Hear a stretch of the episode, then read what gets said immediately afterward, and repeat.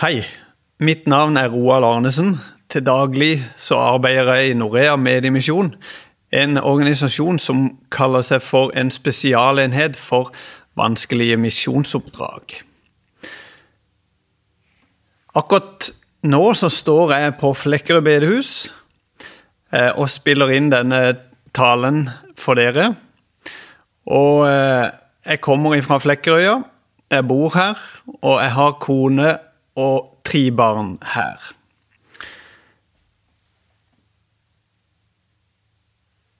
For en tid siden så kjørte jeg bil fra Kristiansand oppover Setesdalen for å holde et Norea-møte. Jeg hørte på radio, og da programlederen skulle innannonsere nyhetene, så sa han eh, nå setter vi over til nyheter, forhåpentligvis gode nyheter. Det er ikke fritt for at vi venter på gode nyheter for tida. Det som følger nyhetsbildet vårt, det er alt annet enn gode nyheter, egentlig. Ikke bare har vi en pågående pandemi, men hele verden ser i grunnen ut til å være litt i ulage. I dag, mer enn noen gang, så trenger vi gode nyheter. Nå har jeg lyst til å være den programlederen som innannonserer gode nyheter for dere. Evangeliet det betyr nettopp gode nyheter, og som du kanskje har skjønt allerede, så er overskriften på talen her i dag gode nyheter. Eller godt nytt.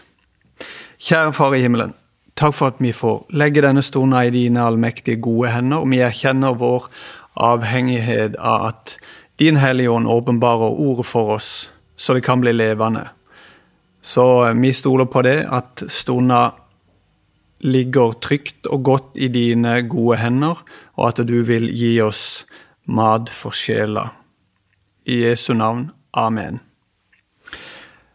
Vi skal til byen Samaria, flere hundre år før Jesu tid. Det står en veldig sterk historie i Bibelen om en gang som Israel var i krig med Syria. I dag så, så, ligger Samarias ruiner på den såkalte Vestbredden. Men på den tida her så var det en prektig by. Det var hovedstaden i Nordrike. Navnet Samaria betyr vakttårn.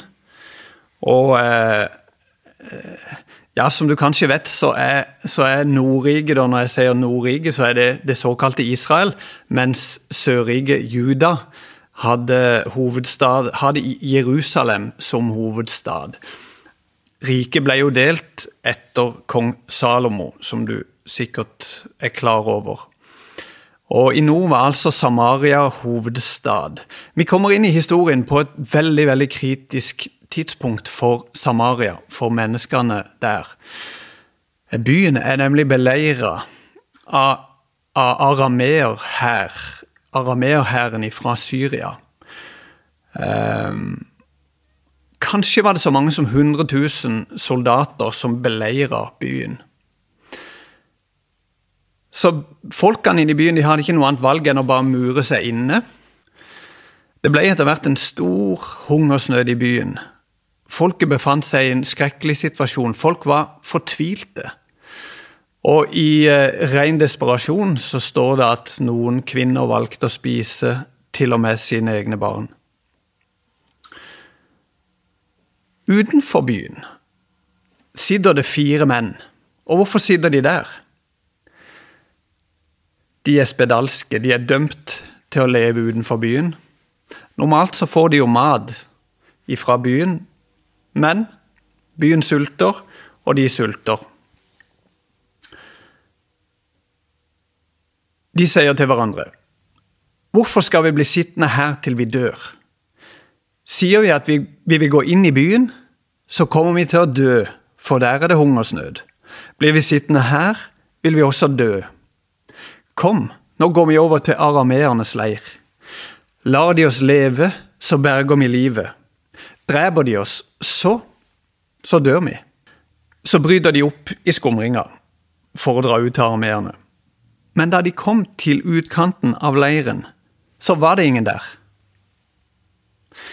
Herren hadde nemlig latt arameerne få høre lyden av vogner og hester, larmen av en stor hær, står det. Da sa de til hverandre, nå har Israels konge leid inn hetittkongene og egypterkongene for å overfalle oss. Så brøt de opp, og de flykta i skumringa. De forlot teltene, hestene, eslene, hele leiren med all mat og all rikdom som de hadde med seg. De forlot det sånn som det var, og flykta for livet. Da disse mennene med hudsykdom kom til utkanten av leiren, så gikk de inn i et telt. De spiste, og de drakk. De tok med seg sølv, gull og klær og gikk bort og gjemte det.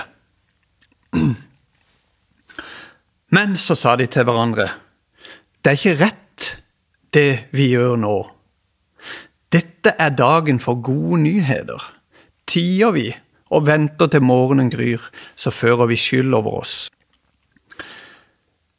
En har sagt at misjon er når en tigger forteller alle de andre tiggerne og henne det er mer enn nok mat for alle. Er ikke det et godt bilde? Om Jesus så står det at han da han var i Guds skikkelse, ikke så det som et røva gods å være Gud lik. Han ga avkall på det. Han tok på seg en tjenerskikkelse og ble mennesker lik, for å gi oss de gode nyhetene. Han så det ikke som et røva gods. Røvet gods, det er jo en parallell her til historien med de fire spedalske. Er vi villige til å gi avkall på noe for at andre skal få høre? Hva med tida vår? Hva med komforten vår? Tida i sofaen foran TV-en? Hva med lommeboka? Bankkontoen? Er vi villige? Fremdeles så finnes det mange byer og land i verden som enda ikke har hørt at fienden er beseira, at Jesus Kristus har overvunnet døden. Så mange som tre milliarder mennesker. Tre milliarder mennesker. Tenk på det tallet. Lever i områder bak murer, kan du si, som hindrer de i å høre de gode nyhetene. I veldig stor grad er mange av de landene her stengt for tradisjonell misjon. Landet er kanskje ikke stengt, men det er områder som er mer eller mindre unådde, der folk ikke har hørt navnet Jesus. Disse menneskene vet ikke det at Gud egentlig har satt de fri. Og spørsmålet vi må stille oss, er om ikke det faller skyld på oss om vi tier. Nå i vinter så var vi på vei til Hovden. Hovden det er liksom alle sørlendingers eh, ski-eldorado. På veien oppover så ringer telefonen. 'Hei, kan jeg få lov til å lese et bibelvers for deg?' 'Ja, det må du gjerne gjøre', sier jeg. Og så fortsetter han med å si at mange er fortvila over den situasjonen som vi er i, pandemien, og i det hele tatt er folk redde for, ja, for framtida og hva den vil bringe. Så nå vil han lese om hvilken framtid Gud vil tilby oss.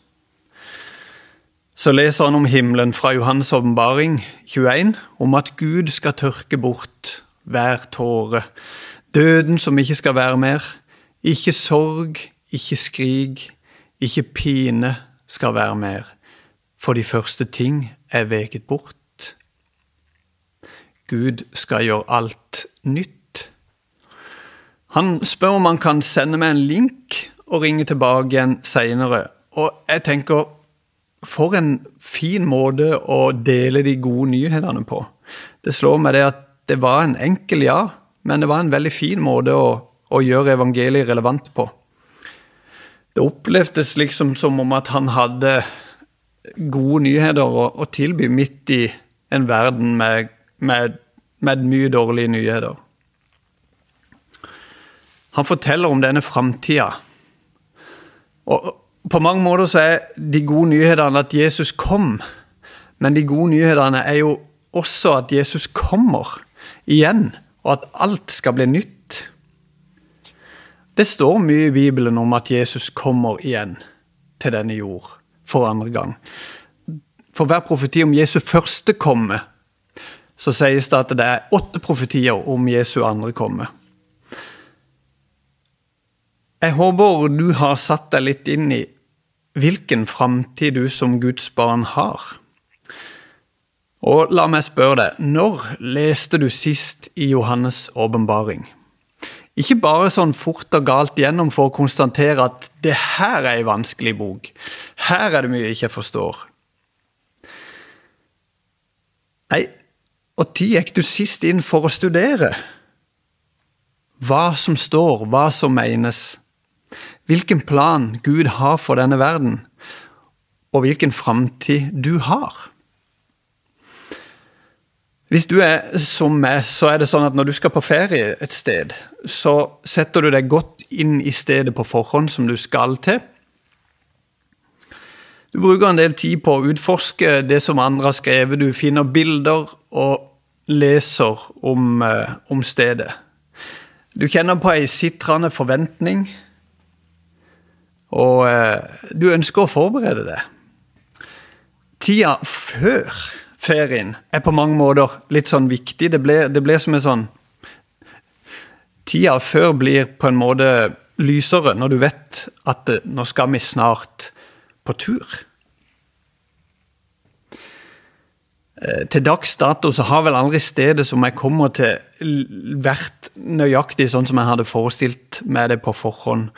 Men eh, Saken er jo det at jeg ønsker å bruke denne tida fram imot reisa på å forberede meg, på å glede meg. Og det gjør jeg jo best ved å studere hva andre har sagt om stedet. Men er vi mer ivrige på å, på å lese sånne ting som det her om ferie, TripAdvisor, reiseguider og blogger og mye mer, enn vi er på å lese Bibelen? Rundt nyttår så bestemte jeg og kona mi, Siv Merete, oss for å studere Johannes' åpenbaring sammen. Så nå er vi nettopp kommet gjennom den, og det har vært ei veldig, veldig spennende tid. Opplegget som vi fulgte og brukte, det var i tillegg til å lese uh, selve boka, selve Bibelen, så var det dette opplegget til Vernon McGee som heter Through the Bible som egentlig er et opplegg som eh, Norea iallfall indirekte har hatt med å gjøre i mange år. Det er nemlig Norea sin største samarbeidspartner, Transworld Radio, som har eh, liksom i, først vært de som har gjort dette opplegget kjent. Eh, det er kalt for verdens største radioprogram når man måler det i antall mennesker nå. De har holdt på i 50 år og sender daglig fem, fem ganger i uka dette opplegget. Det er gratis, opplegget, og det kan anbefales. Du finner det på ttb.org. ttb throughthebible.org. Og, og, og, du kan lytte til Vernon McGee sjøl, som uh, forkynner. Han er en farverik eh, forkynner og bibellærer som eh, forkynner sånn som du aldri har hørt det før. Så hvis du har lyst til å utfordre deg sjel i engelsk, så hør på han. Det gjør jeg. Det er en, eh, en eh, artig eh, måte, og fin måte å studere Bibelen på, og det er aldri kjedelig. Om du foretrekker norsk, så ligger altså Øyvind Brakvatnes oversettelse på p7, p7.no. Det som jeg sitter igjen med etter å ha gått i dybda i Johannes' åpenbaring, det er en større trygghet om at Gud har kontrollen. Det ser mørkt ut i verden, ja. Men Gud har en plan. Jeg har lest det siste kapitlet. Jeg har sett at vi kommer til å komme ut av dette på andre sida. Eh, og det kommer til å være kommer, Alt kommer til å bli godt. Jesus kommer tilbake for å sette alt i rette stand. Åpenbaringa forteller på mange måter om Guds program. Det er en rekke domshandlinger som skal komme i den store trengselen med katastrofer som rammer jorda. Men gjennom dette studiet her så har jeg egentlig blitt veldig overbevist om at vi skal rykkes bort før det verste i den store trengsel. Så jeg har slutta å bekymre meg for at jeg kommer til å, å få utfordringer med å skulle ta dyrets merke, at Antikrist skal innføre det, og osv. Det betyr ikke at jeg ikke ønsker å være forberedt på, på forfølgelse eller på trengsel, for det må jeg være. Men det betyr at jeg slapper av i forhold til at Gud har kontrollen. Han kommer til å gjennomføre alt som han har planlagt, og han kommer til å sørge for meg. Tenk at jeg skal slippe å se mørkt på framtida. Kongenes konge, herrenes herre, Jesus Kristus. Hans navn er Guds ord, står det. Når han kommer tilbake som rytteren på den hvite hesten så skal han opprette rettferdighet. Han skal opprette fred gjennom dette tusenårige fredsriket som han skal opprette her på jorda. Satan skal bindes. Han skal være bonde med lenker i avgrunnen. Og etter de tusen årene her så kommer den endelige dommen. Dommen for den hvite trone før vi da skal inn i den nye verden. Se, jeg gjør alle ting nye. Det er selvsagt en veldig forenkla framstilling, eh, det her jeg kommer med nå, men jeg ønsker å vekke din interesse for det profetiske ordet. Ikke for at du skal begynne å spekulere i tidspunkt osv., men jeg er overbevist om at et større fokus på det profetiske ord og på Jesu gjenkomst, eh, det gjør noe med oss. Det skaper forventning og trygghet. Det hjelper oss å løfte blikket. Det skaper begeistring, iallfall hos meg så gjør det det. Og det gjør at jeg får lyst til å dele de gode nyhetene med flere. Jeg kan fortelle mine ikke-kristne venner at ifølge Bibelen så kommer det til å bli verre enn dette, men Ifølge Bibelen så har Gud en plan, og du kan bli med. I Bibelen er det over 300 profetier om Jesu første komme til jord, som Jesus oppfylte da han var her nede. Og eh, dette er på mange måter det sterkeste bevis for at Bibelen ikke er menneskeverk, alle de oppfylte profetiene. Og som jeg nevnte, for hver profeti om Jesu første komme, så er det åtte profetier i Bibelen om Jesu andre komme. En bibellærer som heter Chuck Misler, han mener å kunne vise til over, over 2400 bibelsteder som viser til at Jesus kommer igjen for annen gang. Guds frelsesplan gjelder altså ikke bare det han har gjort for oss, heller ikke bare det han gjør for oss i dag, der han er vår ypperste prest, der han taler vår sak innenfor Gud. Men det inkluderer også det han skal gjøre for oss, den fremtida som vi har. At vi skal bli spart for den kommende vrede. Jesus kom, han lever i dag, og han kommer igjen.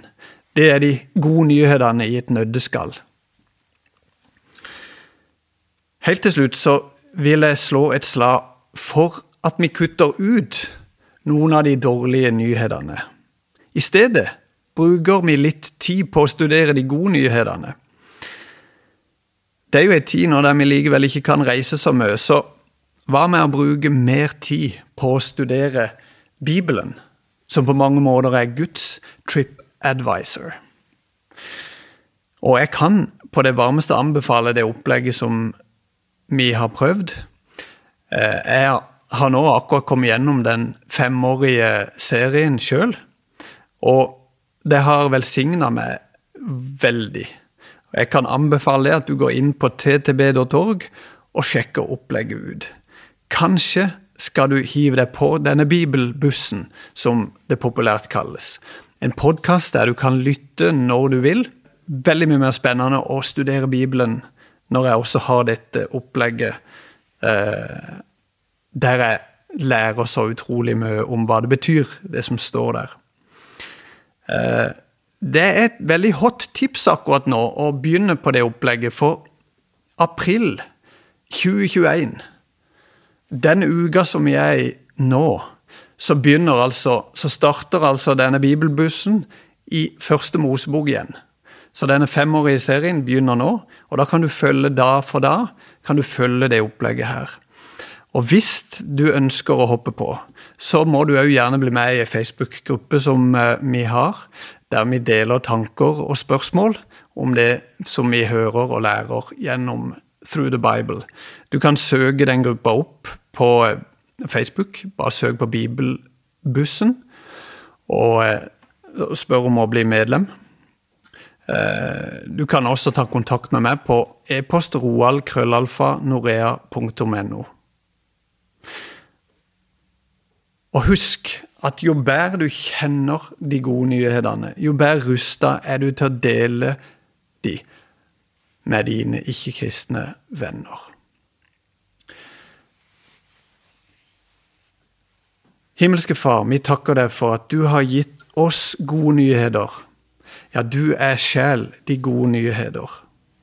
Takk for den fantastiske framtid vi har, vi som tror på det. Takk for at det er sant. Takk for at vi kjenner det i vårt hjerte. Det er sant, og det er godt, og det er trygt. Herre, jeg ber om din velsignelse over hver person som hører på nå. Jeg ber at du skal gi trygghet, gi inspirasjon, gi din åpenbaring når vi leser ditt ord. Priser ditt navn. I Jesu navn. Amen.